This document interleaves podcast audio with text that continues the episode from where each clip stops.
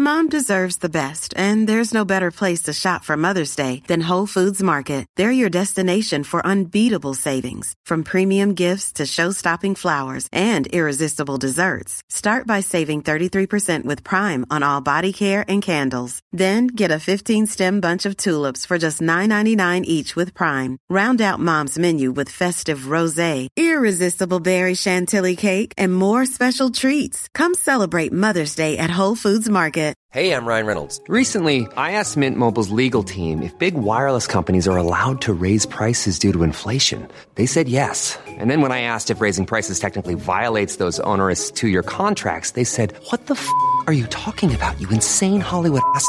So to recap, we're cutting the price of Mint Unlimited from $30 a month to just $15 a month. Give it a try at mintmobile.com slash switch. $45 upfront for three months plus taxes and fees. Promo rate for new customers for limited time. Unlimited more than 40 gigabytes per month. Slows. Full terms at mintmobile.com. Hallå! Simon Gärdenfors heter jag och snart börjar min podcast Arkivsamtal. I veckans avsnitt så intervjuar jag underhållaren Johan Wester, som jag upptäckte via ett kassettband när jag var 13 år. Denna kassett kallar jag för Fingerspexet. Jag är lite osäker på det korrekta namnet. Men om någon vet vad jag pratar om så hör av er till mig på sociala medier. Sök efter Simon Gärdenfors på typ allt, Instagram till exempel. Jag har alltså inte hittat bandet så vi har tyvärr inte kunnat klippa in något från den inspelningen i podden som jag hade hoppats på. Lite annat som har hänt och som jag har släppt och så vidare. Min senaste singel Jag längtar tills du blir ful som jag släppt under artistnamnet Simon G finns nu på Spotify. Så in och lyssna på den. Det kan vara den låten som jag har gjort som flest har sagt till mig att de gillar. Den är populär. Så snart är jag också med ut på stand-up-turné tillsammans med Anton Magnusson. Som är här. Han kan vara Sveriges roligaste komiker. Ja, tackar, tackar. Mm. Vad har vi Eh, att vänta oss av turnén? Westman och Benne, det är två stycken standupföreställningar. Det är vad man har att vänta sig. Det kommer bli jätteroligt. Vi kör eh, samma kväll under turnén våra föreställningar. Eh, I november och eh, december så kommer vi till Göteborg, Jönköping, Helsingborg, Stockholm, Linköping, Kalmar, Kristianstad, Malmö och Växjö. I vissa städer så är biljetterna nästan slut redan, så passa på att boka i god tid. Biljetterna finns på specialisterna.se. Jag har också en del andra lösa gig ute i landet, bland annat i Norrköping, Västerås, Karlstad, Sumpan och Motala. Alla mina gig hittar ni på min blogg gardenfors.se. Jag schemapublicerar det här avsnittet några dagar innan det släpps. Och just nu så är vi väldigt nära Patreon-målet som går ut på att podden ska fortsätta som vanligt utan paus. Även om vi inte skulle vara helt i hamn så tänker jag inte vara ett rövhål. Det är så nära nu och lyssnarna har visat ett sånt oerhört fint stöd. Så jag kör vidare tills vidare. Men ni får jättegärna gå in på patreon.com arkivsamtal, patreon.com arkivsamtal och hjälpa mig med ett par dollar om ni gillar den här podden. Tack så mycket ni som har chippat in stålars hittills. Nu kommer Arkivsamtal. Mycket nöje.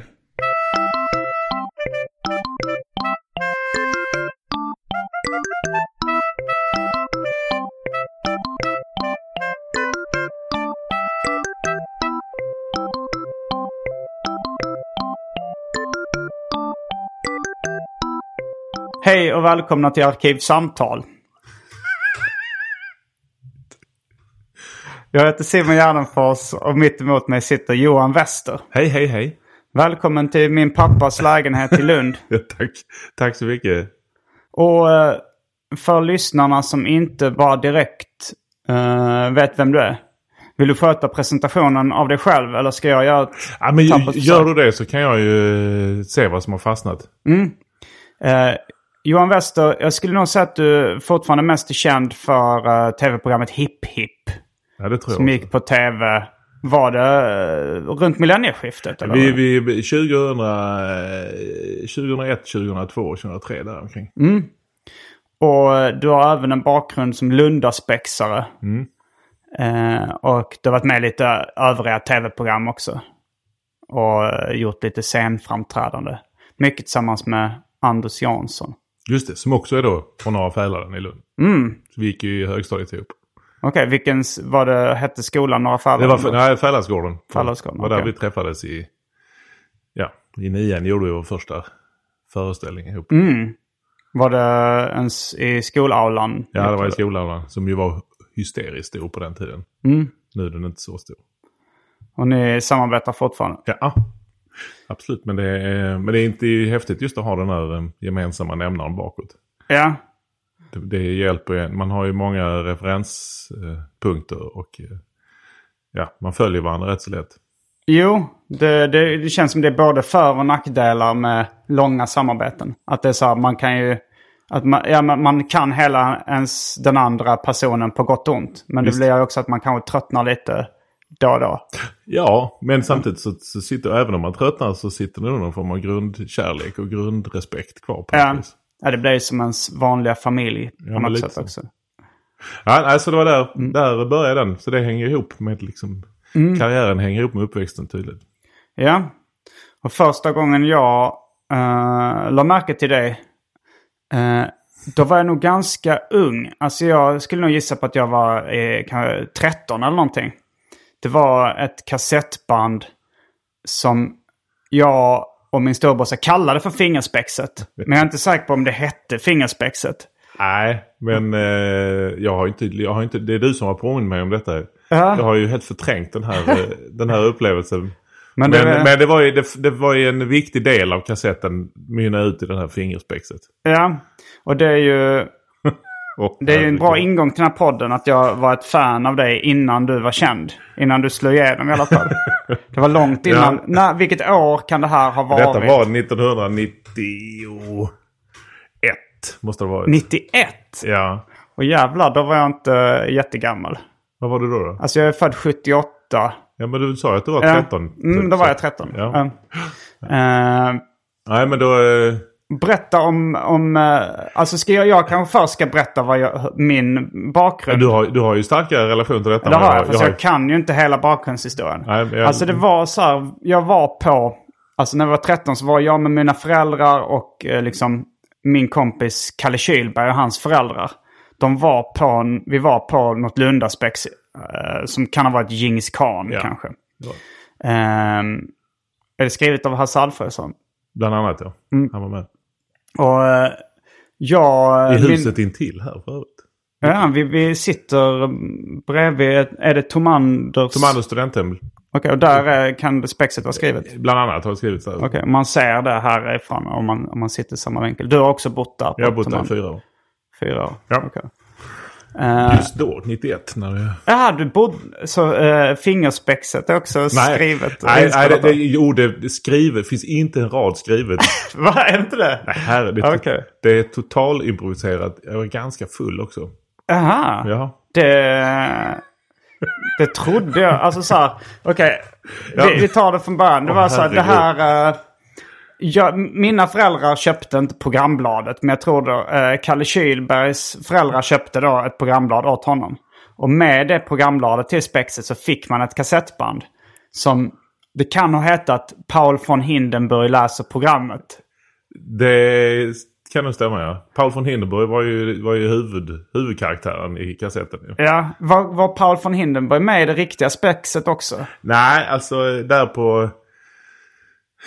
Där på 80-talet när jag började så fanns det en liten... eh, En, en, en tydlig absurdistisk eh, eh, som säger, avdelning inom Lundaspekten. Han drev ja, att stoppa in märkliga anakronismer och märkliga. Och då var det ju i, under en period så att man skrev alltid in den gamle, den gamle tysken Paul von Hindenburg. I, som någon form av världsalt och eh, eh, någon, ja, lite gud. Mycket bisarr. Han, han kom in, rör sig fritt i tid och rum. Och, Det var eh, Hitler tog över från Hindenburg. Ja, ja det, var, det finns nog ingen direkt koppling. Och jag har inte koll på Ribbentrop och Hindenburg och Bismarck och, och alla de här. Men han var ju, han var ju där i slutet på 1800-talet en tongivande person i gamla tyska, eh, i, i, ja, det som nu är Tyskland. Men det var ett internskämt där inom... Ja, och det, nej, det var så att, så, att, eh, så att han dök upp i massa... Eh, kunde komma in mitt i vilket spex som helst i pickelhuva och, eh, och bara bete sig eh, bisarrt. Och Ja. sen gå ut och så fortsätter handlingen. Så att eh, Paul von Hindenburg blev ju nå och alla programblad skrevs förord av Paul von Hindenburg. Aha, okej. Eh, och det var, det var eh, Jag tror inte vi hade någon egentligen någon grundfors. Vi, vi, vi, det lät ett roligt namn ju. Ja, det är det det ett kul namn. Jag tror även du kallar dig farbror Hindenburg Ja, i, i det, det, det jag har som sagt var, jag tror aldrig jag lyssnat på det. Jag har mest Men- bara spelat in det. Men eh, då, eh, då var det ju att han var avsändaren av alla våra, jag tror fortfarande att Hindenburg skriver eh, ledaren eller Mm. förordet i programbladen. Okej, men här var det då alltså ett, ett kassettledare där det var...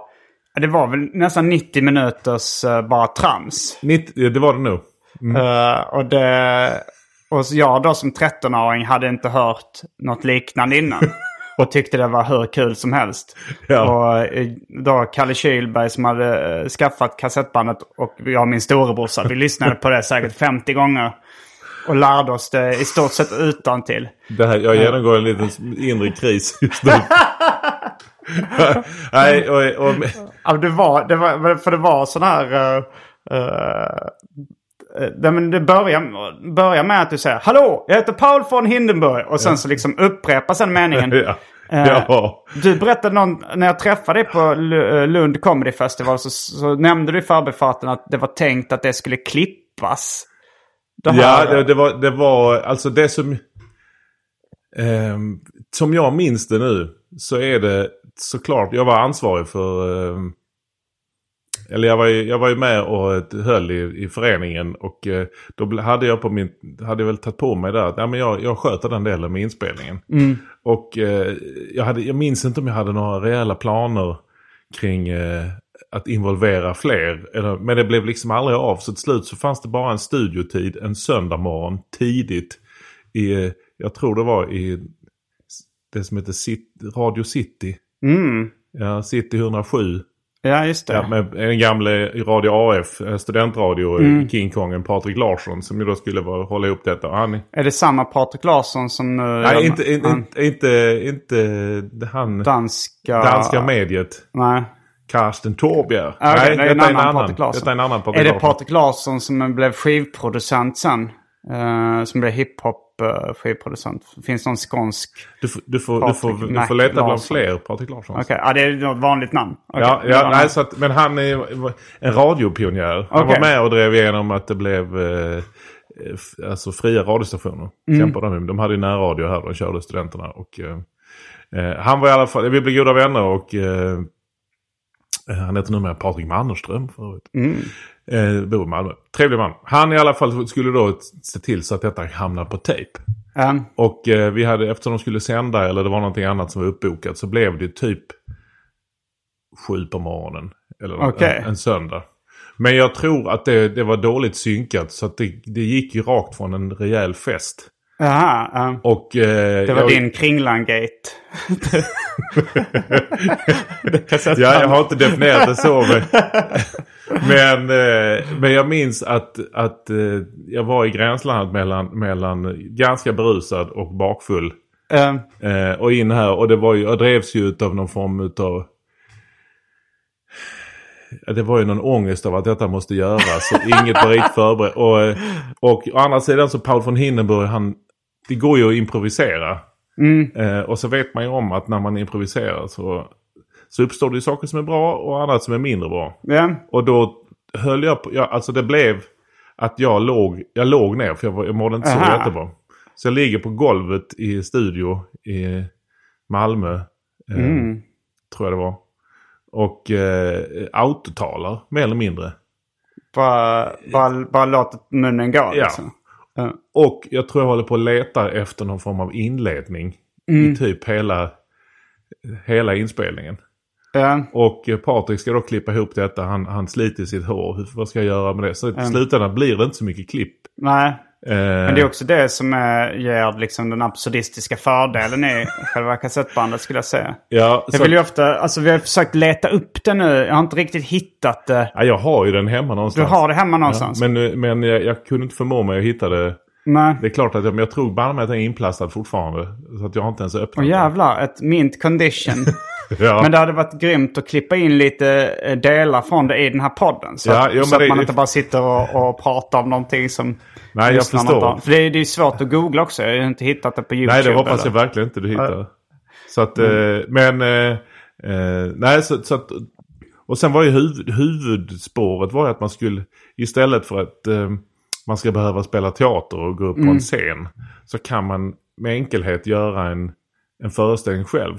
Så det var ju sådär något eh, på tal om nej, men lite pyssel, lite klipp och klistra. Så man skulle rita karaktärerna i, jag tror det var Djingis khan eller eftersom det ändå var huvudspexet, på, på fingertopparna.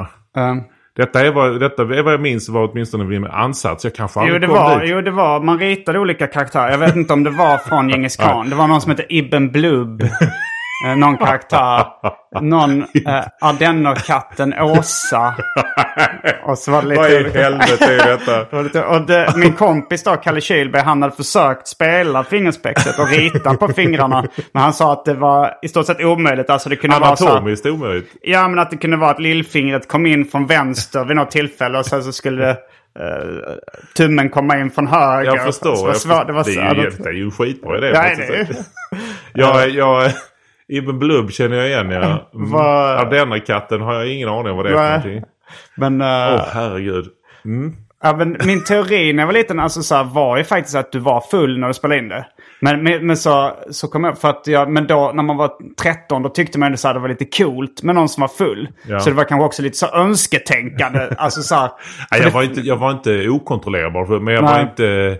Jag hade inte de spärrarna som kanske man hade haft i vanliga fall. Men jag kommer ihåg, det var någon, eh, sen i högstadiet så, så skulle vi ha, alltså skolan skulle ha en kurs i improvisation. Ja, Och då var det någon från Lundaspexarna som höll den kursen. okej. Jag tror inte det var du. Men det var någon... Det tror jag inte. Nej, det Vilken var... skola var detta? Eh, jag gick på Tunaskolan då. Nej. Eh, och, nej, men, vi, och, men den kursen var på något tillval. Det var inte på själva skolan vi hade det. Men jag kommer ihåg då för att jag, för det var liksom... Det var, jag visste att det var någon från Fingerspexarna. Så, var, så frågade om... Eller från Lundaspexarna. Så Ja. jag frågade om det här Paul von Hindenburg kassettbandet. Ja. Så frågade så här... Ja, eh, eh, den här han, han, var, han var inte liksom... Eh, han svarade bara lite, lite kortfattat. Jag frågade så här, jag frågade då så här, var han full när han spelade in det? Och då svarade han så här, ful var han när han spelade in det, det vet jag i alla fall. Jaha, okej. ja, det kan ju vara vem som helst inser jag ju. Eh, nej, jag, eh, jag kan inte hjälpa det där tyvärr. Men du, du har ju fått mig att, att uppnå någon form av gräva i sitt förflutna. Du sitter ju på, eftersom du har mer koll på detta än vad jag har. du har kanske inte hört det 50 gånger. Inte allt. Det finns även en annan liknande kassett. Men det finns bara en kopia. Jaha, Ja, The Lost Tape. det är, ja, det är en julkalender som vi också spelade in. Ja, på samma sätt eller? Ja. Det är Dragan och Josefs julkalender. Ja, och den, den är inte publicerad. Nej, inte alls. Och eh, den har jag inte heller lyssnat på. Men den går tydligen varm. Någonstans går den varm. Mm. Ja, så det är min gode vän Jonas Klevhag och jag som, eh, som ligger då en, en tidig morgon. Och så spelar vi in på en kassettbandspelare en, en julkalender. Så det är 24 luckor. Där vi samtal, lite så eh, arkivsamtal. Jaha, ja. I, i, så pratar vi lite så Zlatan, Zlatan Okej. skånska. Sen pratar ju så här, det är, det är, de är väldigt eh, närvarande och intresserade så här då. Och så, så kommer de in på viktiga spörsmål och helt plötsligt när vi tröttnar så bara ja och där bakom lucka åtta hittar vi en vadå? Och så har vi ingen, en liten medmänniska.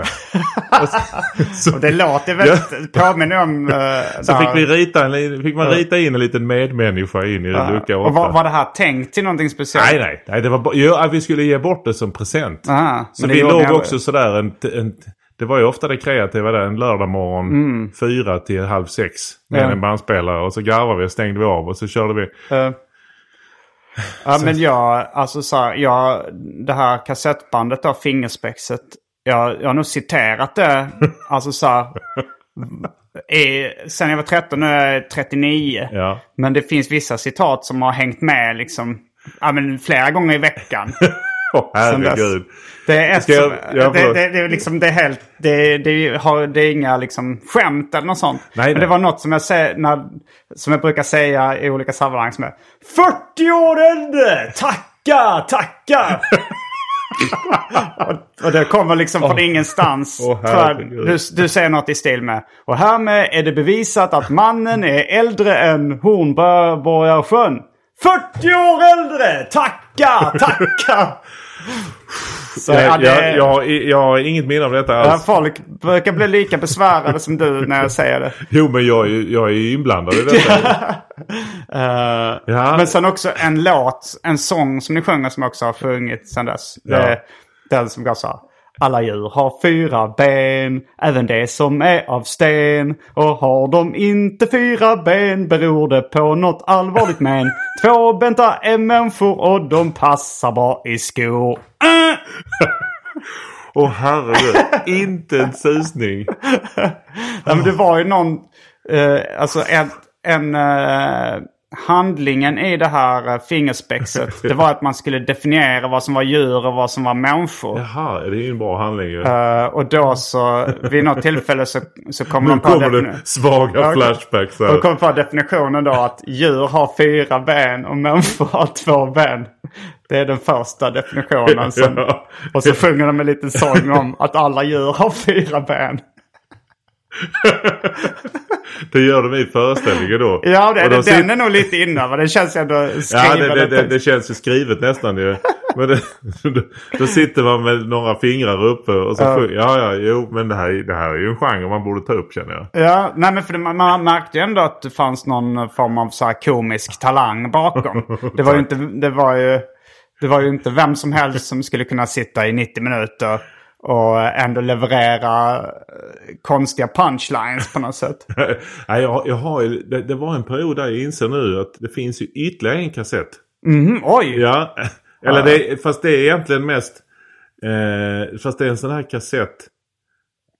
Alltså det är, en- det är en telefonsvarare. Mm. Där förr i tiden var det ju de här eh, fysiska banden. Ja, just det. Mm. Som man, eh, där man stoppar in och då hade man ju Ja om det var 120 minuters band hade man ju 2 gånger 60 där på något vis. Och Mm.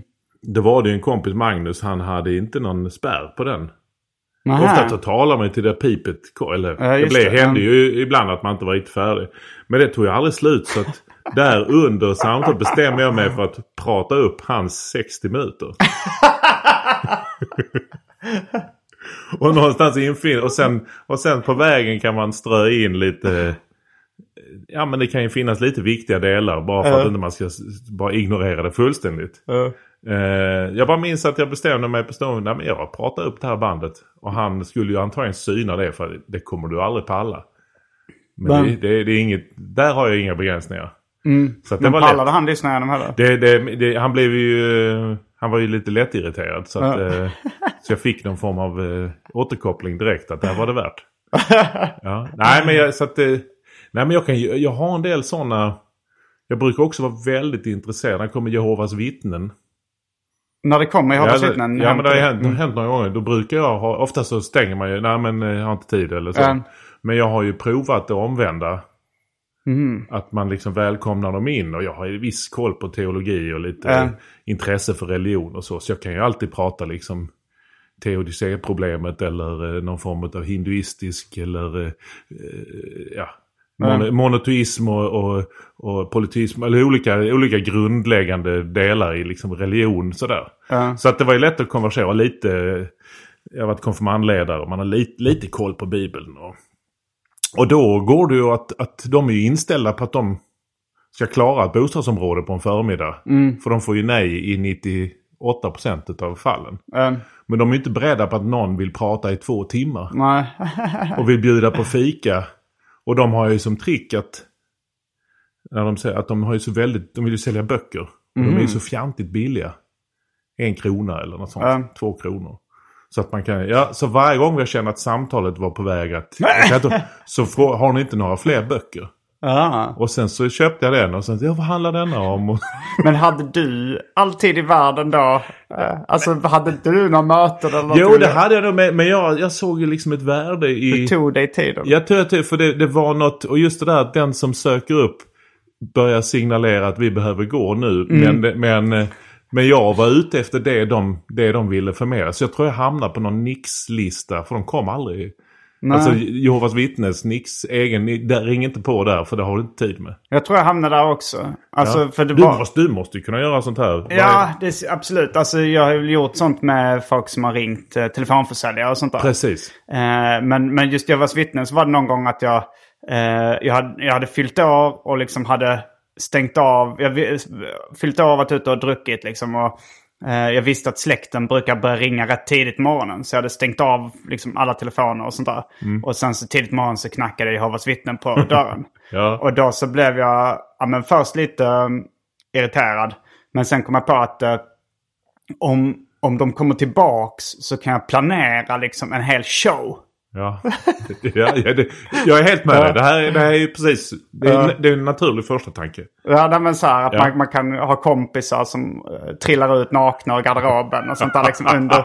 Alltså jag, jag fick upp sådana bilder. Så jag, eh, så, så jag liksom bokade en tid med dem då. Och sa ni kan komma tillbaka hit. Men de kom inte då Nej. och de har aldrig ringt på igen. Så jag, de, de misstänkte, de såg nog det här i blicken Kan ni, liksom. kan, ni, kan ni sätta den här sången om djur och, och stega fyra ben? Och... men nej, men, men telefonförsäljare är också det där. Eh, där finns det ju många Mm. klassiska. Jag brukar köra den liksom. Eh, dels, dels så är det ju att de... de eh, nej, men jag brukar köra Hannibal Lecter-metoden. Om du har sett När lammen tystnar. Ja, Ja, för han, han, han pratar med Clarice. Eh, där han sitter i cellen. eh, Och, och hon, hon vill ha reda på vem den, den här seriemördaren som är där ute i, i samhället. Och han, han ger ett svar men han, han ställer ju som motkrav att, nej, att han ska få ställa en fråga till henne. ja, ja. Så då kör jag den med, med eh, telefonförsäljaren. Men om du ställer en fråga så, så får jag ställa en fråga.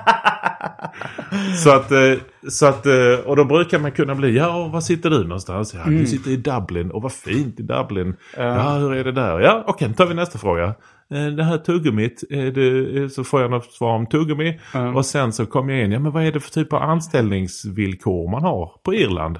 Eh, Ja, och, och så pratar de om Irland och deras tjänst och är det detta du drömde om att bli? Och, och, och eh, det brukar vara väldigt trevligt.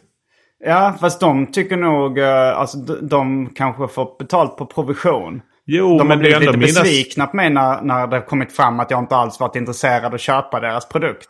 Utan bara har tramsat mig liksom. Ja, men jag tycker någonstans att, att jag menar vi som är kunder, det är vi, de tjänar sina pengar och deras beställare tjänar sina Alltså Ja. alla inblandade tjänar pengar. Då måste ju vi få ut någonting Ja, ja, av men, det. För det är baserat, allting ska ju figursys för att vi ska gå i fällan sen ju. Jo, men, men om det är så att jag sitter och bara larvar mig en halvtimme.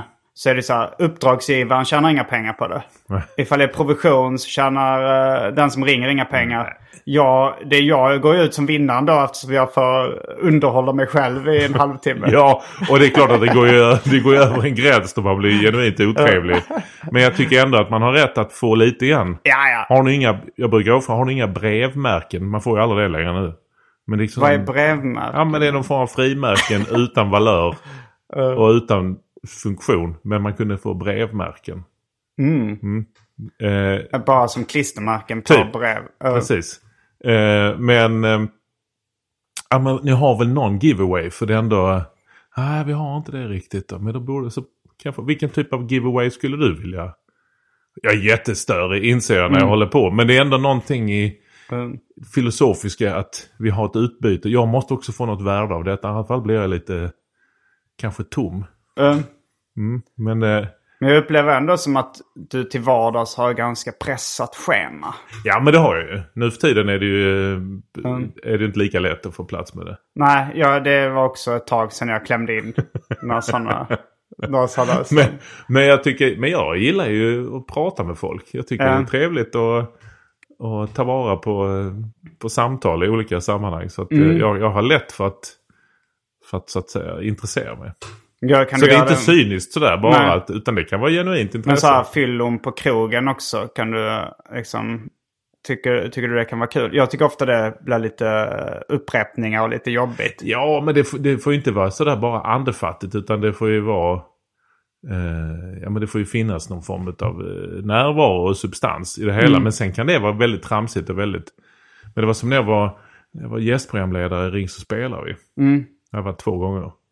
Och då när någon kommer, hon ringer från någon PR, hon är ju, visar sig att hon är, hon är med i en PRO-förening. Mm. Och då får jag reda på vilk, om hon har en roll. Ja, hon är kassör i PRO. Mm. Och då blir hela samtalet hur hon lägger upp bokföringen. För jag tyckte det var kul. Och, så jag pratar bokföring Rick, så spelar vi med någon som ja, så, och jag, hur bokför du ett fikabröd?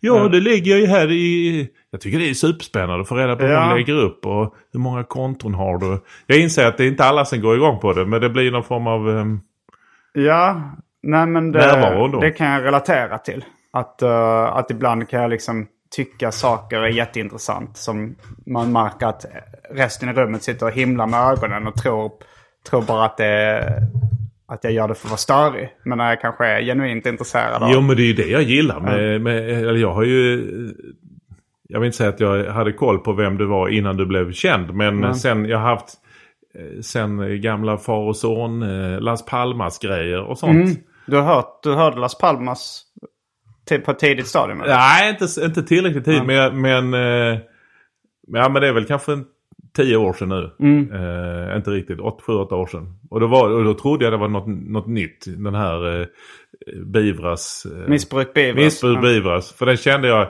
shit det här är ju exakt samma liksom, typ av jargong som jag känner igen mig från skolan. Aha, Det var, ja. nej, men det var väldigt mycket samma typ av lek med ord och associationer. Eh, och eh, jag tyckte det var hysteriskt eh, underhållande. Jag blev väldigt nyfiken. Och sen när det var en medelålders man i keps. så, så insåg jag att ah, det kanske inte riktigt är... Vad trodde du att det var? Vad Nej men var? jag, tro, jag trodde det var någonting. När jag lyssnade på det trodde jag det kommit. eh, till, men detta var ju mitten på 2000-talet eller någonting sånt. Ja, jag tror Missbruk beivras spelade vi in eh, 04. Ja, kanske. ja, ja men det, det, och, eh, och detta var väl typ ja, sju, åtta år efter. Så jag var nog inte riktigt med, medelålders när jag spelade in det. Ja, men nu, nu, du har vuxit in i det. Men, eh, nej, men just den här känslan för liksom, associationerna och leken med, med ord och, Ja. och det tramsiga. Ja. Eh, mitt och det absurda i det hela. Så att jag gick igång väldigt mycket på det. Vi, vi hade ju allsång och så sent som i våras när vi var i Spanien så körde vi ju den på Mm. mycket hög volym i en eh, hyrbil eh, norr om Malaga. Ja, fan vad roligt. Ja, så satt vi eh, sex personer och sjöng högt. Mm. Eh, eh, Men så- vad hade du för bild av och det var bara personerna- spanjorer. Va? Nej, nej, nej, nej, nej, nej då. Men Nej, vad det hade du för familj. bild av eh, personerna bakom Las Palmas då innan du... För att det, alltså egentligen, alltså lek med ord och sådär. Eh, på det sättet med associationer så är det ju... Alltså gissningen att det är så en akademikerson från Lund. Det var är ganska- ju inte jättelångt borta. Nej. Nej, och det, och det var väl det jag kände igen mig så mycket i, Mm. i det att det fanns något... Eh, och det oerhört idé, idéstarka tyckte Mm. jag då i det. Sen, sen eh, och har jag haft lite koll och det är genomgående är det mycket idéer och mycket liksom tankar och den här någon form av intresse och, och allmänbildning eh, här bakom. Och sen så hade jag lite koll på, på farsan din. Mm. Vars rum vi nu sitter i. Ja. Eh, så att eh, jag förstod ju att ja, men här fanns det ju liksom någon form av, inte för att jag har, mina föräldrar är lärare, men det finns Mm. ju någon känsla till, alltså gymnasie och grundskollärare. Ja. Men det finns ju en koppling till lärande och litteratur och kunskap och så. Och den kunde jag känna igen mig någonstans i, Mm. i den unge herr Gärdenfors. Ja. Var du också så här vetgirig? Mycket Som- vetgirig. nej, men det nej men jag har lätt för att vara intresserad och det gäller också människor. Och, så att nyfikenheten ligger ju... Och sen när man då utifrån den information man, man förskansar sig Mm. eh, lägger på det kreativa. Och så man får ju mycket stoff att jobba med. Och Mm. annars hade jag aldrig kunnat överleva Paul von Hindenburg i, om jag inte hade ett visst, eh, en viss, ett visst hum. Va? Om... Uh, Om, om, om, mycket, mycket grundkunskap men bred. Ja. Jo, nej, men det blir någon slags stream of consciousness, eh, liksom humor på något sätt. Där. Ja, och, Alltså, och, ja, och jag tror ju någonstans att Alltså, eh, jag tror det är otroligt viktigt i ett, om man tar ett samhälle i stort. Att, att, att ha någon form, jag menar människor som säger ja men det kan, allting kan man googla, det behöver man inte läsa, det kan man googla. Ja men då reducerar vi ju väldigt mycket av den, den ytan som vi kan röra oss i, i till vardags till ingenting. För jag ser ju mer allmänbildning och, och kunskap som någon form av språk. Det är där vi möts. Jag menar, har, kan vi prata om Paul von Hindenburg eller bergarter eller handbollsregler eller whatever. Så blir det en plats där vi kan, i detta intresse kan vi sen utbyta liksom andra erfarenheter. Och har vi inte de punkterna, jag menar en komiker som står på scen är beroende av att man delar referenspunkter med, med sin publik. Eh, så har vi inte en, en gemensam plattform och antingen så söker man till sig smala communities men när det kommer till att hålla ihop hela samhället så bör, vad, är, vad är våra gemensamma referenspunkter för att känna en gemensam identitet? Jag kommer ihåg, jag såg på tv ganska, ganska tidigt innan jag hade börjat liksom jobba med humor så att säga. När Fredrik Lindström fick frågan om eh, så- hur man var rolig eller liksom vad som var roligt. Och det, det kommer jag ihåg att jag tog till mig väldigt mycket.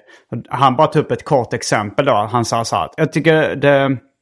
eh, Det brukar vara roligare när man är speci- Man blir rolig om man är mer specifik. Ja. Om man säger så här... eh, Eh, vi skulle plocka upp några liftare så visade det sig vara ett dansband som stod och åt en tårta. Så sa han så här, då är det halvkul. Men om man säger så här, vi skulle plocka upp några liftare och då var det tydligen Claes-Göran som stod och mumsade i sig en schwarzwaldstårta. Ja, jo, men det- det blev mycket roligare. Absolut. Eh, och sen så hörde jag honom nu i... i Ja, och då måste man ju ha, ha en känsla utav valörer i språket. Dels att kunna massa tårtor. Det var som när jag pluggade några, några poäng lingvistik. Och vi pratade semantik. Och liksom, vad är skillnaden? Vi, vi skulle liksom lista massa ord på häst.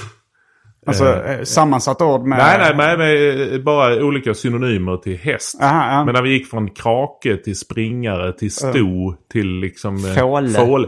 Ja, men, men och det fanns ju många, många till. Ja. Men då insåg vi med varje association, med varje ord så låg det ju en värdering. Ja, det det. Men en springare känns ju väldigt stolt och en krake Ja. känns ju lite mer... Ja, så dålig, det, och då bröt man ju ut, ja det fanns ett kön i vissa. Mm, och det fanns en storlek och det fanns... Och det var intressant att bara se just hur, hur mycket som ligger i, i olika ord. Då är det ju ren... eh, Ju, ju, ju bredare ordförråd du har desto, desto Ja. mer valörer i din humor inte minst. Kan. Jo, sen finns det ju också ord som är roliga i sig. Alltså Ja. som eh, funny words är det många amerikanska komiker som... eh, jag såg det här Comedians in Cars Getting Coffee där, eh, där Jerry Seinfeld och Larry David satt och pratade. Och då Ja. är det bara så här, de säger i konversation, what kind of debauchery? Och sen så börjar liksom han spruta ut kaffet genom näsan. Så där, funny word? Yes, yes. Att det var så här, bara ordet debauchery tyckte han var ett funny word. Ja, jo, men så är det ju. Nej, men då, då är det, och det är just den typen av grejer ju, är kul när i, i karaktären Kajan som ju jag har gjort i Hipp Hipp. Ja. Eh, han har ju ingen känsla för sånt. Han kan ju till och med bli upprörd. Eh, vad, vad, är för roligt, vad är det för roligt med det? Det är väl inget roligt med det. alltså just när någon blir upprörd över... Eh, ja men vi hade en när vi spelade en föreställning eh, här i Lund på Hipp Hipp föreställningen på riktigt. Så eh, var det precis när Jackass var liksom var, var stora. Och Kajan som då dels har ett säkerhetsperspektiv. Ja. Men bara det att, att dels att beskriva ett Jackass-trick rent i text. Ja. Och en tydlig, jag förstår inte det roliga i detta. Där sitter de då, eh, tre, fyra personer i en fullvuxna människor i en kundvagn. Åker ner in i en tegelvägg. Vad fan är det för roligt med det? Det är ju... Ja, men, någon oförmåga att se det komiska. Jo, men det, det finns. Man har ju träffat på ganska mycket människor som, eh, som hela tiden vill kommentera att det inte finns något roligt. Det är ett och annat. Liksom. Ja. Får- och det och så- blir jävligt kul i sig. Ja, det blir det. Ja. Ja, nej men... Eh, Nu har det blivit dags. Eller vill du säga någonting innan? nej, nej, nej. Jag, jag var mitt i en tanke. Men jag känner att vi nådde någonstans där. Okej, eh, mitt i en tanke. Vill, vill, vi har ett inslag som, inte, som kommer in lite då och då som heter Europas sämsta cliffhanger.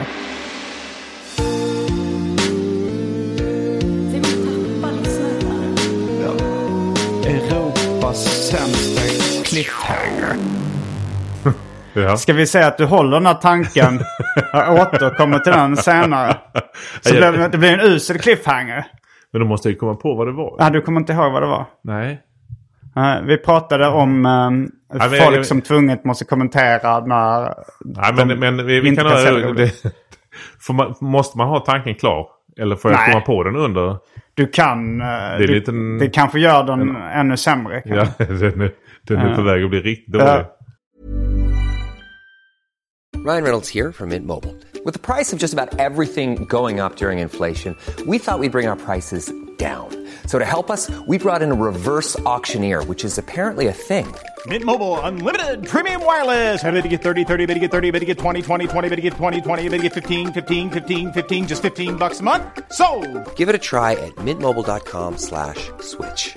$45 upfront for three months plus taxes and fees. Promo rate for new customers for limited time. Unlimited more than 40 gigabytes per month. Slows. Full terms at mintmobile.com. Quality sleep is essential. That's why the Sleep Number Smart Bed is designed for your ever evolving sleep needs. Need a bed that's firmer or softer on either side? Helps you sleep at a comfortable temperature? Sleep Number Smart Beds let you individualize your comfort so you sleep better together. JD Power ranks Sleep Number number 1 in customer satisfaction with mattresses purchased in-store. And now, save 50% on the Sleep Number limited edition Smart Bed for a limited time. For JD Power 2023 award information, visit jdpower.com/awards. Only at a Sleep Number store or sleepnumber.com.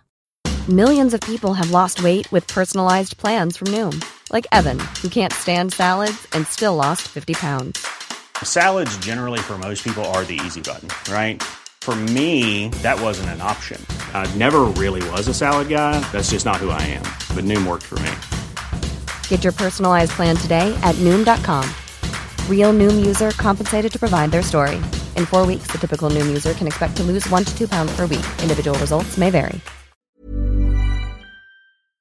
Eh, Men eh, nu har det i alla fall blivit dags för det omåttligt populära inslaget Välj drycken. Åh!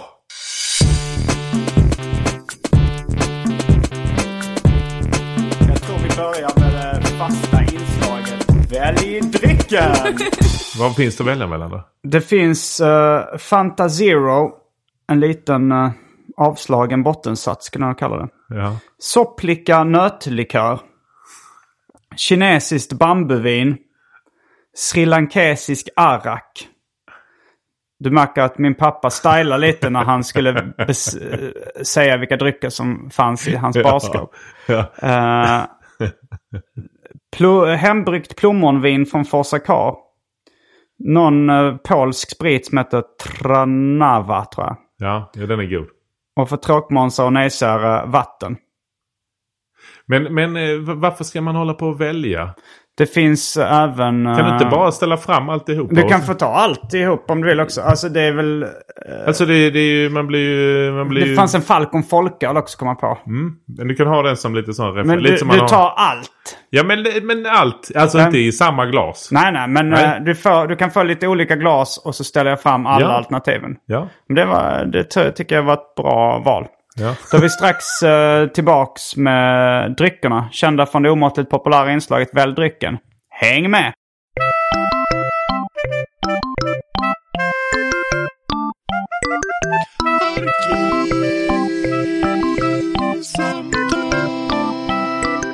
Okej, då har vi vår buffé. Vi kommer ju bli kunna bli fulla på detta ju. Ja, det eh, får vi säga ingår i yrket. uh, ska vi börja, då snapsar vi uh, nöt, sopplika nötlikören. Ur uh, snapsglas designad av bedragaren och konstnären Eugene Montelin. Jaså? Från uh, Degeberga Forsakar-trakten. Okej, vad, vad har du för relation till honom?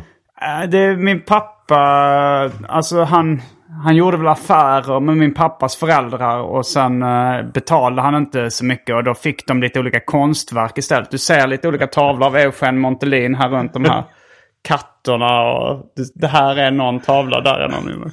Måste... Han har även designat de här snapsglasen. Ja, okej. Men namnet Eugen Montelin är en väldigt fint Ja, i sig. jag kan hålla med om det. Ja. Skål. Skål.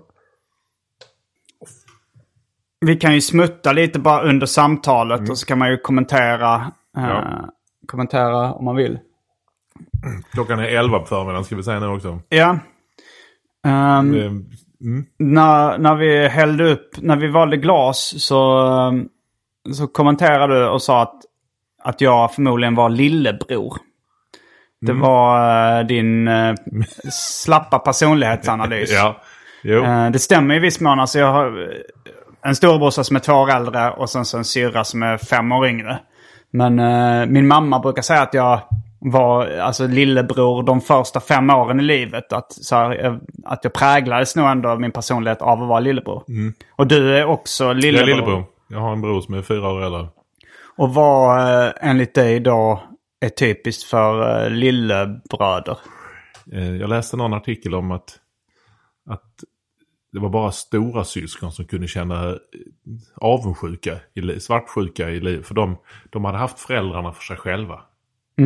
Så Men det är klart man kan känna avundsjuka och svartsjuka även som lillebror. Jo, men, men just det här att man utifrån det freudianska, att man har haft föräldrarna för sig själv. Mm. Och nu helt plötsligt måste man dela med sig. Men å andra sidan jobbade ju Freud mest med gissningar.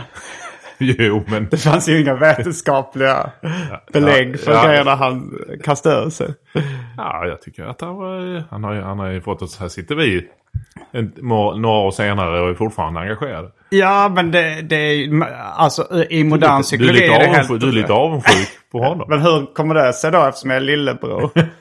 Okej då. Okej, där föll vi första teorin. Nej, men det är någonting i att... Nej, men jag tror man måste vara lite innovativ och hitta, hitta andra spår och lösningar. Och, eh, När man är lillebror? ja, eller, eller lilla syster också antar jag. Men... Eh, nej, men det blir ju... Ja, men det, att, att ta plats och att... att eh, jag tror man måste jobba på ett lite annat sätt. Är det stor skillnad mellan dig och din storebror? Ja, både och. Alltså vissa grejer slås man ju av hur, ja, hur mycket gemensamt man har. Men sen på andra områden är det ju, är det ju verkligen eh, skillnad. Men jag, jag tänker när man har syskon, det finns oftast kanske lite mer utrymme för trams. Att man så eh, jag tror att många som håller på med humor har tramsat sig rätt mycket med sina syskon. Gjorde du det med din eh, brorsa också? Eller? Ja, alltså... Eh, jag tror vi slogs mest alltså. Eh, Mm. eh, Ja, det gjorde vi också. Ja, Men- men, ja, men jag minns att vi hade ganska så hårda... Det var ju sådär att man slogs. Det var kul hela, hela vägen fram till det att han band fast mig inne i bastun till exempel. Och det var, Det låter obehagligt. ja, ja, men det, var- det var ju roligt hela vägen. Men han verkligen... Hur band- länge var du i bastun? Ja, men, ja, men det, det var ju otroligt länge att sitta i en bastu fastbunden i, i, i, i så att säga, vad säger man, i, f- inte fällen utan, ja men på de här lavarna. Ja. Eh, och det var varmt? Bastun nej, men man hör ju ett sånt tyleraggregat när det tickar. Aha, Det- ja. och de, de, man, man, man blir fullständigt knäpp utav det där ticken. Det var antagligen inte varmt överhuvudtaget. Men jag minns jag satt och skrek. Hur gammal var du då? Jag var väl tio kanske. Okej. Ja, och, och, och det hade ju varit kul hela vägen fram till det att han släckte och gick ut. Och där satt jag fastbunden och såg det glödgande Åh jävlar. aggregatet. Ja, Och sen gick han ut och käkade med resten av familjen. Och frågade, var är Johan någonstans? Ja, jag vet inte. Och- Ja, det låter hemskt. Ja, nej, det, det, det var ju bara en gång. Men vi hade även andra sådana här. Vi hade rummen mitt emot varandra. Mm. Så jag minns när vi, när vi byggde liksom värn i dörr, öppna dörrar. Men vi byggde värn eh, med, alltså man välte skrivbordet och satte upp det mot, Mm. mot dörr så att man fick ett bra skydd. Men ändå lite bröstvärn så att man hade någon liten öppning. Och sen bara kastade man över grejer.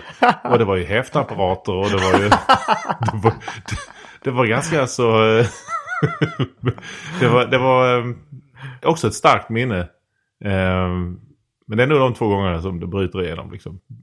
Men... eh, Nej, visst, visst, men det var, jag, var, jag var fyra år yngre och, och eh, en lillebror som upp och mopsar sig mot storebror. Det ju- Då åker man ju på stryk ju.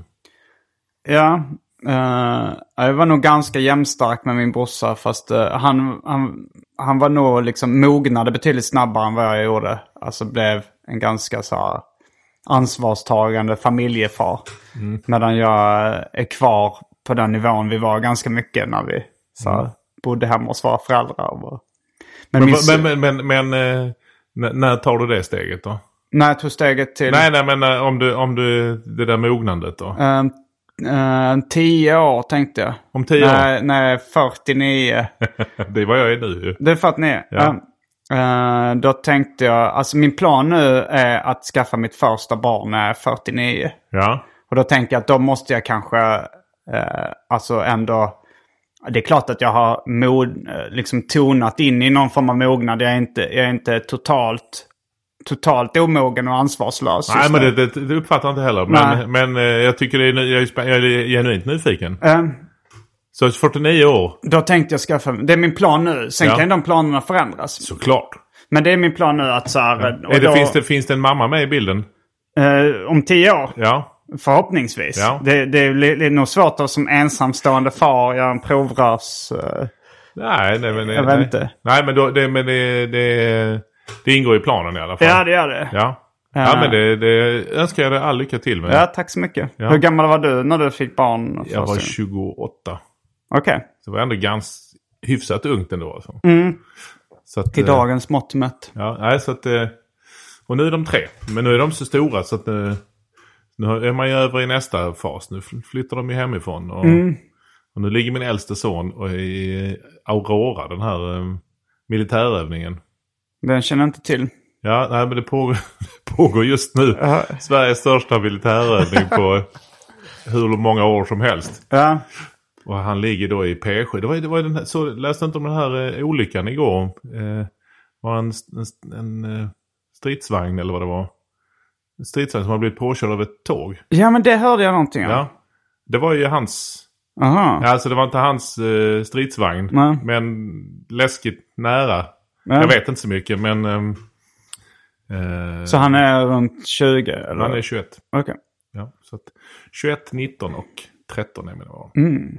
Gjorde du lumpen själv? Nej, jag gjorde ju vapenfri tjänst. Mm. Så att eh, det är den ultimata protesten och eh, skriva in sig i militären sen. Ja, nu när man inte riktigt behöver det. Ja. ens. Men eh, nej, men det är coolt. Jag, jag tycker det är, nej men överhuvudtaget människor som, som följer sitt hjärta och hittar sin grej. ju- Så att jag är väldigt stolt och glad över att han, och det där är ju to, totalt främmande värld för min del. Mm. När fattade du själv att du skulle jobba i showbiz? Alltså det har jag inte riktigt, alltså grejen är att jag har inte riktigt den identiteten. Nej, fortfarande inte. Nej, men, nej, men jag, jag, jag kallas ju för komiker i olika sammanhang. Men jag har aldrig känt mig som en komiker. Nej, men det är inte samma sak som att vara komiker som att vara, eh, jobba i nöjesbranschen. Eller jobba i showbiz som jag Nej. just eh, sa. ja, nej, men, nej men, men där på högstadiet så... eh, När Anders och jag började hänga ihop så... eh, Ja, men, ja, man förstod ju inte det då, men... Eller jag förstod inte det då, men egentligen gjorde man ju de stora karriärvalen i, i åttan. Mm, mm. Eh, utan att man visste om det. För någonstans det Ja. vi gjorde då, det är det är lite grann det jag gör fortfarande. Ja, Eh, och, att, och att göra en skolrevy, alltså det coola med det riktigt coola. Dels är det ju hela det kreativa och att, och att eh, ja, få hitta på saker och allt vad det innebär. Men också det här att driva projekt. Att, att jag någonstans, ingen har frågat efter detta men nu har vi bestämt att vi ska göra en föreställning och nu ska vi få folk att gå på vissa datum och köp, betala för det. eh, Alltså hela det där att bygga upp liksom en publik och, och att, eh, och att nå, nå ut och att, och att vara med i indirekt skapa ett behov och förhoppningsvis få liksom...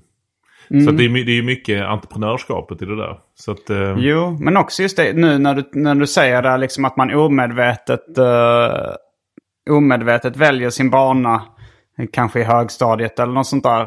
För jag kommer ihåg, alltså jag, alltså jag har gjort en karriär av, av det här liksom tramset i klassrummet. Alltså när man satt om... eh, att, att sitta liksom, när läraren säger, berättar någon på historielektionen och så lägger jag till ett va, väl valt i röven liksom. Så, så här. Och då så, eh, så tågade de ut, liksom. tågade de in och så ska man i röven och sen blir jag utkastad. Men sen något år senare så liksom tjänar jag pengar på exakt samma skämt. ja, ja, ja, men jag, jag, är- Eh, Känner du dig missförstådd? Har du satt då i klassrummet? Nej, det var väl också... Alltså eh, poängen var väl att vara en störig jävel och störig och rolig. Ja, Så, Nej, men, så men, jag, och det var precis så jag uppfattades. ja, jo, men jag tror du lyckades jättebra. Men jag, men, men, men jag tycker många gånger man glömmer den. Alltså jag menar en sak är ju kunskaperna. Mm. Eh, Jag tillhör de som tycker det är viktigt med, med liksom, eh, historiska kunskaper med kungar och sånt. Inte för Ah. att det är viktigt i sig överhuvudtaget. Men när du har, har du vissa kunskaper som du slår fast så får du lättare att hänga på andra kunskaper.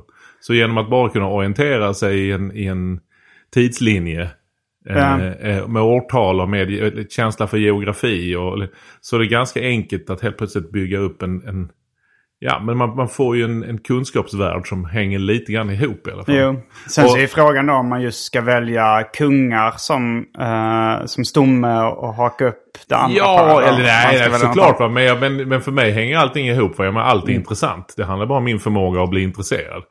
Det, handlar, Mm. det, är- det är inte... Det, det blir många som, vad fan ska man kunna det för? Det är ju inte viktigt. Ja, men, Ja, men just kungalängor. Eh, alltså jag tänker att jag, jag fattar poängen att, att man kan koppla ihop det med annat. Men man skulle ju lika gärna kunnat eh, eh, koppla ihop det med populära ostar genom tiderna. Eller liksom ja, alltså. Ja, men du får gärna du får använda vilken metod som helst. Ja, Om du kan ta en Stilton från eh, Ja. 1700-talet och... Jag har nog hellre lärt mig så här, de bäst säljande ostarna eh, från liksom Sveriges historia. ja, det, jag är också jätteintresserad. Men ah, det var en ost under Adolf Fredriks tid. Ja. Intressant. Frihetstiden där, ja, ja men då... Alltså det blir bara ett sätt, för mig är det bara ett språk att kunna orientera sig. Ja. Så att ost, det är ju ostarna är intressanta och, och massa runt omkring. Och förstå samhället. Men det är ju genom väldigt konkreta detaljkunskaper som man har lättare tycker jag att bygga upp det här trädet. I alla fall det jag skulle komma till var skolan är ju någonstans den, den typen av coola grejer man kan lära sig och det ligger öppet och det är gratis. Så jävla häftigt att bara få sluka allt detta. Men också hela den biten som man många gånger glömmer i att bygga upp en, en eh, bygga upp individer i form av entreprenörskap, i form av att, att, att hitta sitt intresse, hitta sig själv, hitta sitt skapande. Som ju kan pågå väldigt starkt under hela skoltiden. Det gjorde för oss i alla fall. Eh, så att...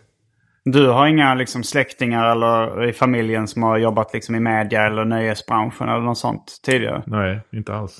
Ingenting. Det är bara lärare rakt av och, eh, och så ett litet bit bak så är det ju eh, lantbrukare. Mm. Från Västergötland, hela gänget. Okej. Ja, ja, ja. Västgöte. Uh, ska vi rycka av skynket eh, från Europas sämsta cliffhanger nu? Åh gud! Den här Eh, tanken du hade. som du...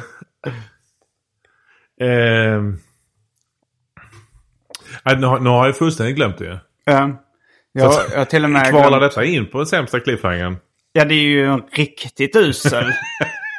att man inte ens får... eh, att det, det, att man, man får hänga kvar på klippan Men, för alltid. men hjälp, hjälp mig. Det var som när vi spelade in en film. Där, eh, där vi... Har du gjort mer än en? Nej, nej detta var ju en, en, eh, en film som vi spelade in till en fest. Okej. Som var en, en travesti på tysk skräckfilm från 20-talet. sånt. Okej. ehm. Max Schreck, Nosferatu, känner du till dem? Alltså Nosferatu var väl någon slags Dracula? Ja, precis. Mm. Ja, och Max Schreck, han var ju... Eh, det var Murnau tror jag som regisserade. Och så eh, han var ju skådespelaren som spelade. Och det är mycket skuggor och det är... eh, Jag tänker på Klaus Kinski. Spelar inte han Ja, Nosferatu? det, är Johan, Johan har nog, han har nog gjort någon remake. Men Ja. den här, är, detta är ju 20-talet. Okej. typ. ehm. Så det är riktigt sån, riktigt gammal svartvit. Kanske till och med... före Mm. Ja, ja. Jag tror jag har sett klipp Med från spetsiga det. öron. Ja, jag har sett klippen från det. ehm. Ja. Och då vill vi göra någon, någon, eh, en skräckfilm. Som jag handlar... Det var, det var förut här på Tom Anders. Ja, Så nu det- pekar du Ja, ja, det- det- det- det- fönstret här. Ja. Eh, så var det en, en årlig middag. Ehm. Där man visar en, en gåsmiddag. Där man visar film som underhållning. Mm. Så det har spelat in den här skräckfilmen. Som jag har, eftersom spel, finns ett kortspel som spelas inne på Tom Anders. Det är Skitgubbe. Ja, okej. ehm. Och när man spelar skitgubbe. Så när man, när man förlorar ska man säga jag är en skitgubbe, jag är en skitgubbe, jag är en skitgubbe. Jaha, okej. Ja, i, den, i de reglerna. Mm. är. Och då var det i alla fall att... Att här var ju då att... När man förlorade i kortspel så förvandlades man till skitgubben. Och så ved, blev det då... Ja, i den här filmen. I den här filmen Mm. så var det som om det var en vampyr eller en... Mm. Så att... Eh, så det handlar om någon som spelar kort och sen förvandlas. Lite, lite... Ja men så Dr. Jekyll, Mr. Hyde. Mm. Lite... Det är sån 1800-tals... eh, Eller, eller Dorian Grays porträtt. Någon sån vanställd figur som... Ehm. Som eh, är ond. Som... Så det var, det var en förvandlingsscener och det var eh, mord och det var massa saker. Och det var bara tr- trams. Och jag minns till exempel att vi hade en, de skulle söka, söka information, de som var hjältarna i, i filmen. Och då gick de över liksom uppslagsverk. Sådär, de letade efter rätt uppslagsverk. Och då hade vi gjort, hade vi, Anders Jansson var med på detta här också, hade vi skrivit, sådär, det står från A till Arlöv. Från, ja, vi hade ju... Vi hade ju vi Ja, hade, som gamla nationalencyklopedin. Från A till Asa och så vidare. Ja, och då hade vi gjort jävligt roliga sådana. Aha. Från, eh, från eh, riksdagshuset till röven. Typ. Ja, du hör vilken nivå Ja, detta jo. ligger på. Det känns som du, du borde ju vara hemma i detta i alla fall. Men jo, då, det ska... och då, och då eh, var vi ju väldigt nöjda med detta. Problemet var när vi filmade, för, då spelade vi, för att få riktig filmkänsla hade vi, spelade vi in allt på Super 8. Okej. ja. Så vi skickade på framkallning i Tyskland. Mm. Och det blev svindyrt. Men jätte... problemet var att vi hade inte riktigt ställt in skärpan.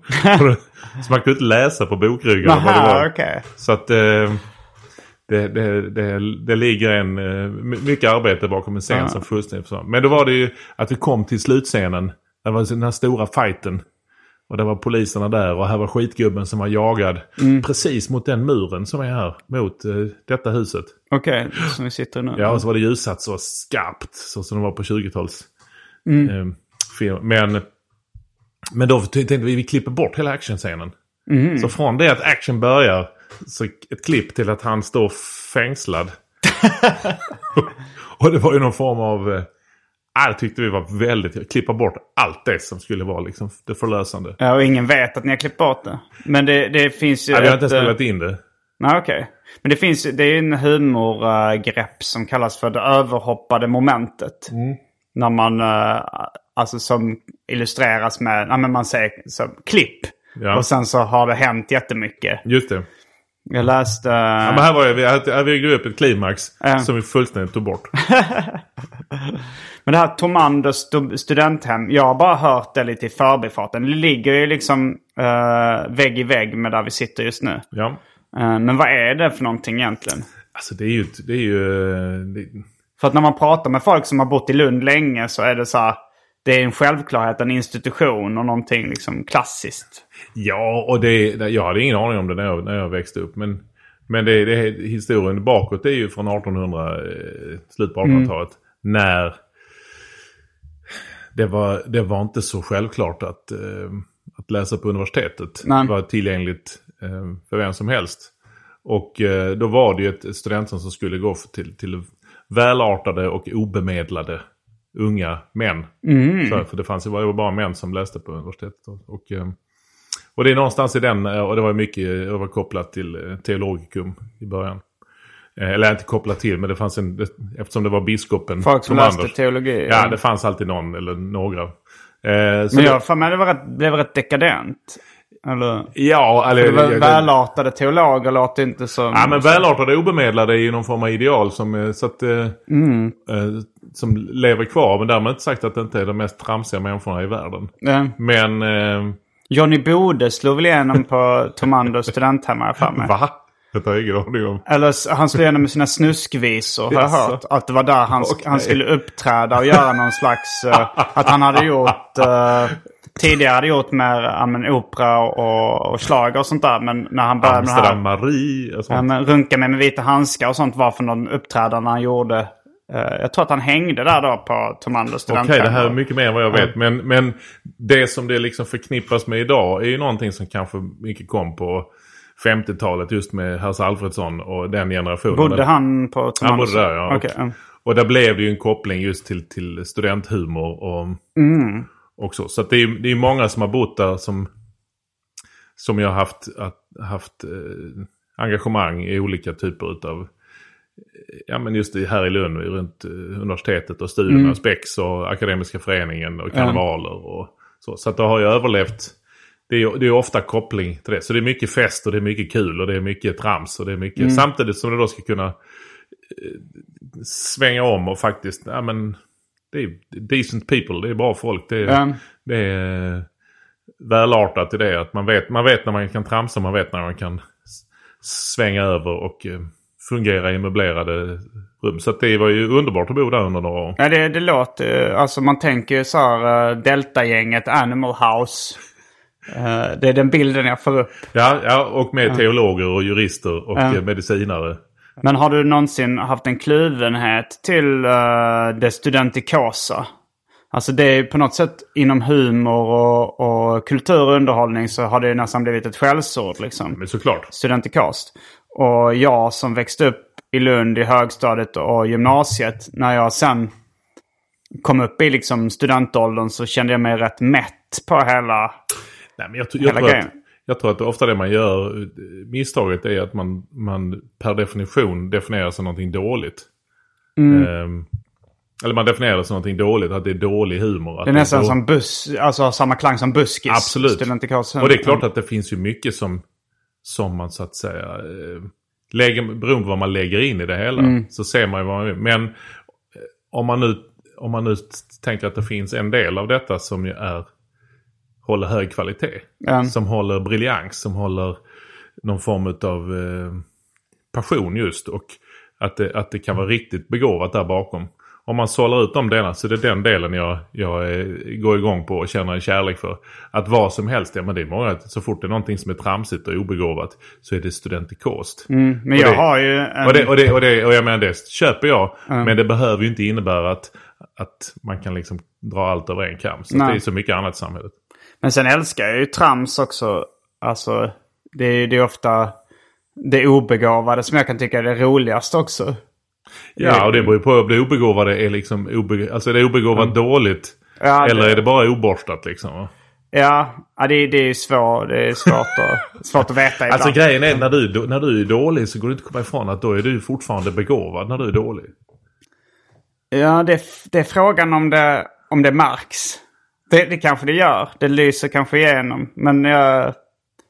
När man... eh, Nej, men, jag men tänker- ta, ta, ta jag menar, eh, jag menar Hasse, Hasse, Hasse och Tage och den Ja. typen. Det, är det, är ju, det kommer ju från den här, den här typen av värld. Ja. Jag, Hasse har ju, har ju bott där fler, flera år. Men, men Tage är ju ett exempel. Monty Python. Ja. Alltså det finns ju en koppling till det akademiska som inte går liksom... Var de ifrån. akademiker, Monty Python? Oh ja. De var ju, hälften var ju från eh, Cambridge, hälften från Oxford. Okej, ja. Och då går det inte att komma ifrån att... Jag menar, vi säger, vad är det för kul? Ja men nu Kajan. Vad är det för roligt med att... att Mm. de kom, de, där står han och har någon typ av gädda i handen. Så kommer han den andra i någon jävla kjol och så slår han honom med, med den fisken i huvudet. Vad är det för roligt med det? Alltså bara den typen av människor som blir... Och då är det går inte komma ifrån... Ja, dels är det något komiskt med någon som slår en annan med en, en stor fet fisk i Mm. huvudet. Eller med två sillar. Så man, bara, man bara gnuggar lite. Men det går inte att komma ifrån att, att de facto att han... Eller att där har vi en som är en... Eh, har doktorerat i, i fornnordiska språk.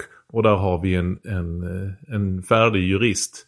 Eller... Men tycker du, jag tycker inte det spelar så stor roll. Alltså, Fast för om- om man avsändaren, tar- det, är, det är ju mycket roligare om det är någon som, som kan mycket mer och sen väljer att vara tramsig. Än Det kan som, också, alltså det ska också vara kul om det är någon total idiot som slår en fisk i huvudet på någon. Alltså jag tycker på ett ja, sätt... fast, fast, fast jag, om det är någon som är en total idiot. Ja. Det är ju som att sitta och garva åt, eh, åt handikappade. Ja, det har ju hänt. Jo, jag förstår att du är hårdare på det än vad jag är. Men det är ju någonting... Och, och kan, man bara, kan man bara bortse från, från historien runt omkring. Mm. Så förstår jag att man kan se det. Men det är det är ofta väldigt svårt att göra. Mm. Och då är det vissa saker som inte blir så kul just för att man, man vet för mycket. Och, men när någon väljer att, att, eh, att bete sig tramsigt när ämbetet eller något annat inte, Mm. inte egentligen tillåter det. Då, då eh, blir det ju roligare många gånger. Ja, jag tänker på den här... um, eller jag, jag är mer kluven till den teorin, men, det var, men, eh, det är, men jag tänkte på det här uh, hukar i bänkarna, gubbar och kärringar, för nu laddar vi om. Ja. Eh, för er som inte känner till den, så var, var det Tage Erlander som Tage drog, där, drog ett ganska torrt skämt i Hylands hörna. Uh, vilket årtionde snackar vi nu? Detta måste väl vara... 50-tal. 50-tal måste det vara. Eh, det finns på YouTube om ni vill se det. Det är inget jätte... Eller säg 10-60-tal kanske. Okej, för humor är en färskvara. Men frågan är, alltså jag tror att det roliga där var ju då att det var en person med väldigt hög status då, Sveriges statsminister, som drar liksom någon slags bonnavits. Att det var just den kontexten som folk tyckte var så otroligt rolig. För det är ju svårt att se vad som är så jävla kul med det där skämtet. Eh, som Nej, går ut på nej. att en präst som även ägnar sig åt pistolskytte. Eh, nu, börjar, har- nu börjar det bli kul tycker jag. Kan du säga, ja nu är det ju som Kajan då, att jag ska fråga vad är det för roligt med det? Ja, En exakt, präst det- som det- ägnar sig åt pistolskytte och så har han då glömt att ta av hölstret av pistolen. Ja. Och så går det av ett skott i predikstolen. Och så hukar han sig, eller så liksom böjer han sig ner där bakom eh, predikstolen för att ta av sig hölstret. Och då är det någon gubbe i, i församlingen som reser och säger Huka er i bänkarna gubbar och kärringar för nu laddar han om. ja. Och det här blev liksom en... Fast nu, nu när du berättar den tycker jag du, du höjer den ytterligare lite grann. Fast... eh, nej men, men, eh, nej men det är väl, är det inte kul när det finns lite lager på det hela? jo! Att man kan se det på en nivå som bara är trams. Men sen så finns men vad det... finns det för lager där det står? Ja men det finns lager på dels att, att historien i sig och sen har vi Tage Land och sen att du sitter här 50 år senare och intellektualiserar kring detta här. Och, ja, jag Jag tycker- skrattar ju faktiskt svinmycket när... Uh, alltså jag uppträdde nu på, eh, på Lund Comedy Festival. Som du är en av grundarna till. Um, och då så, så var det min kollega komikern Johannes Finnlaugsson som frågade så här, hur gick din show på Lunds Comedy Festival? Så, ah, men det, gick, det gick jättebra. Så här, det var väl kanske, jag skulle säga att det var 90 procent eh, folk som visste vad de gick för att se. Alltså som, som kände till min humor sen innan. Eh, och sen kanske det var 10% gubbar och kärringar. Och då, då så passade han in direkt. Som hukade sig i bänkarna. och då så flabbade jag verkligen. Ja, men till, nu, och hade man inte känt till Tage Erlander-kopplingen så hade inte den funnits där. Det. Nej. Nej, men och det är väl det roliga just med, eh, men ju mer man, man tar in och ju mer man reflekterar desto mer stoff kan man ju eh, göra material av. Och med de orden avslutar Avslutar vi där? Det kan vi göra om Ja. inte du, om du inte, Nej, har, om du inte vill... eh, Nej. vill, du vill Nej, nej, jag, jag bara, det, Ja, det blev lite abrupt. ja, men det går bra. Kör, kör din grej. Och med de orden avslutar vi veckans avsnitt av Arkivsamtal. Jag heter Simon Gärdenfors. Jag heter Johan Wester. Fullbordat samtal.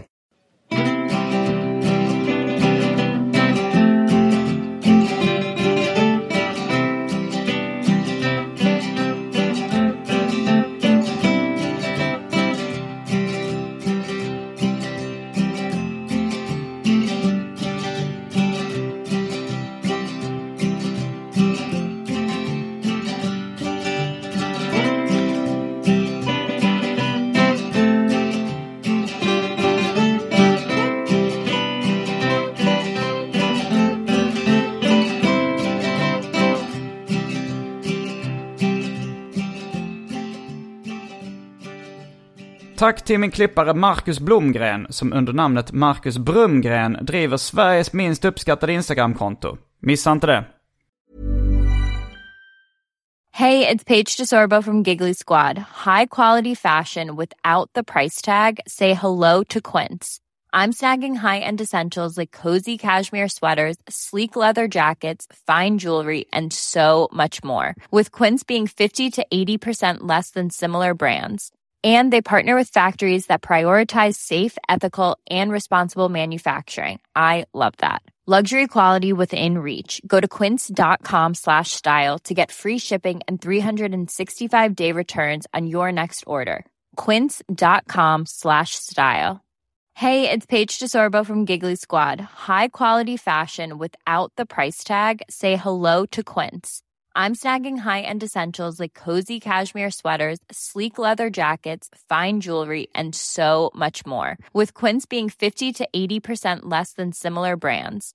And they partner with factories that prioritize safe, ethical, and responsible manufacturing. I love that. Luxury quality within reach. Go to quince.com slash style to get free shipping and 365 day returns on your next order. Quince.com slash style.